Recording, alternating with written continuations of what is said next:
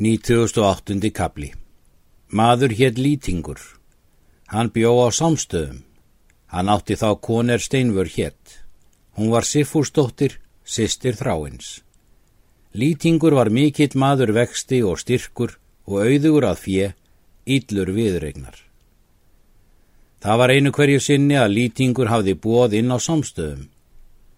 Hann hafði þanga bóðið höskuldi kvítanjaskoða og Siffúsónum. Þeir komu þar allir. Þar var óg Grani Gunnarsson og Gunnar Lambasson og Lambi Sigurðarsson. Höskuldur Njálsson átti bú í holti og móðir hans og reið hann jafnan til bú síns frá Berþórskóli og lá leið hans um gard á samstöðum. Höskuldur átti sonir ámyndi hétt. Hann hafði blindur verið borinn. Hann var þó mikill vexti og öflugur. Lýtingur átti bræður tvo hétt annar Hallsteinn en annar Hallgrímur. Þeir voru hinnir mestu óerðar menn og voru þeir jafnan með lýtingi bróður sínum því að aðrir menn kom ekki skapi við þá. Lýtingur var út til laungum um daginn en stundum gekk hann inn. Hann gekk til sæti síns. Þá kom kona inn er úti hafði verið. Hún mælti og fjarrri voru þér úti að sjá er oflátin reyðum garð. Hver ofláti var sá, segir Lýtingur, er þú segir frá? Höskuldur Njálsson reyð hér um garð, segir hún. Lýtingur mælti. Oft rýður hann hér um garð og er mér eigi skap raunar löst og býðst ég til þess höskuldur máur að fara með þér ef þú vilt hefna föður þíns og drepa Höskuld Njálsson.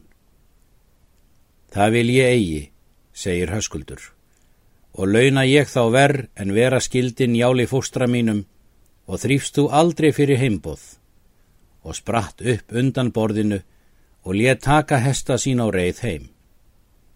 Lýtingur mælti þá til Grana Gunnarssonar. Þú varst hjá er þráin var vegin og mun þér það minni samt og svo þú Gunnar Lambasson og þú Lambi Sigurðarsson. Vil ég nú að við ráðum að höskuldi njálsinni og drepum hann í kveld er hann rýður heim.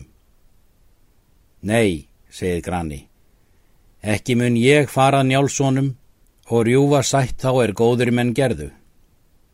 Slíkum orðum mælti hver þeirra og svo sefúsinnir og tóku það ráð allir að ríða í braut. Þá mælti lýtingur er þeir voru í brautu. Það vita allir menn að ég hefi við engum bótum teki eftir þráinn máminn. Skal ég og aldrei una því að engin komi mannhemd eftir hann. Síðan kvatti hann til ferðar með sér bræður sína tvo og húskarla þrjá. Þeir fóru á leið fyrir höskuld og sátu fyrir honum norður frá gardi í gróf nokkuri og byðu þar til þess er miður var aftan.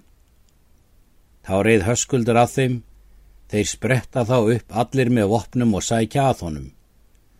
Höskuldur varði svo vel að þeir fá lengi eigi sóttan hann. En þar komum síður að hann særði lýting á hendi en drap heimamenn hans tvo og fjell síðan.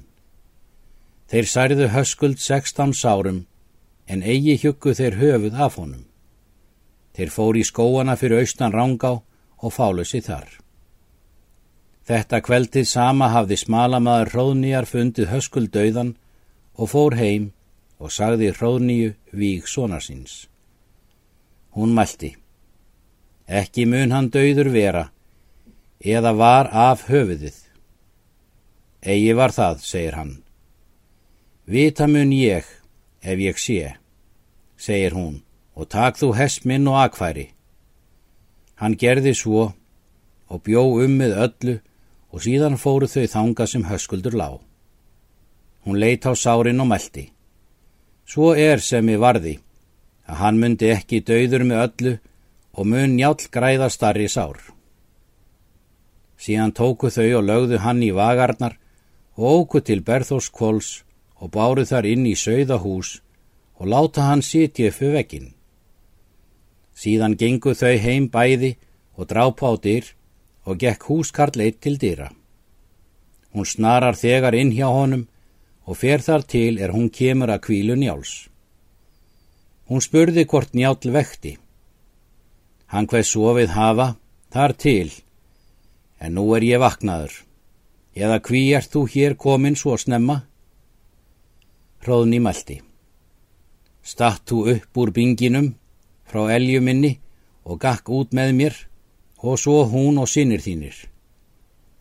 Þau stóðu upp og gengu út. Skarpjén mælti. Tökum við er vopn vor og höfum með oss. Njátt lagði ekki til þess og hljópu þeir inn og gengu út vopnaðir. Fer hróðni fyrir til þess er þau koma að sögða húsinu. Hún gengur inn og bað þau ganga eftir. Hún vatt upp skriðljósi og mælti. Hér er nú njál, höskuldur són þinn og hefur fengið á sér sár mörg og mun hann nú þurfa lækningar.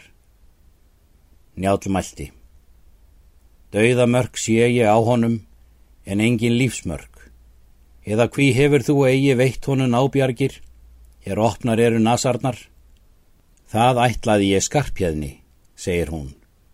Skarpjæðin gekk að og veitti honum ábjargir.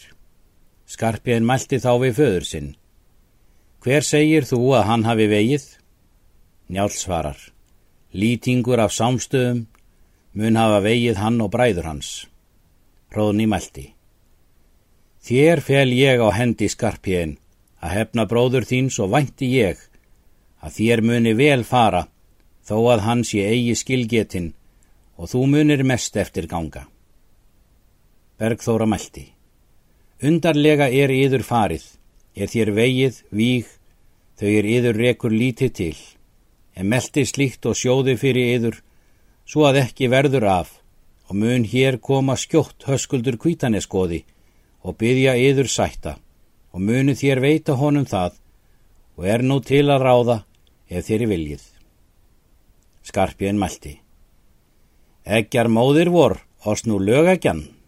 Síðan hljópu þeir út allir. Hróðni gekk með njáli og var þar um nóttina.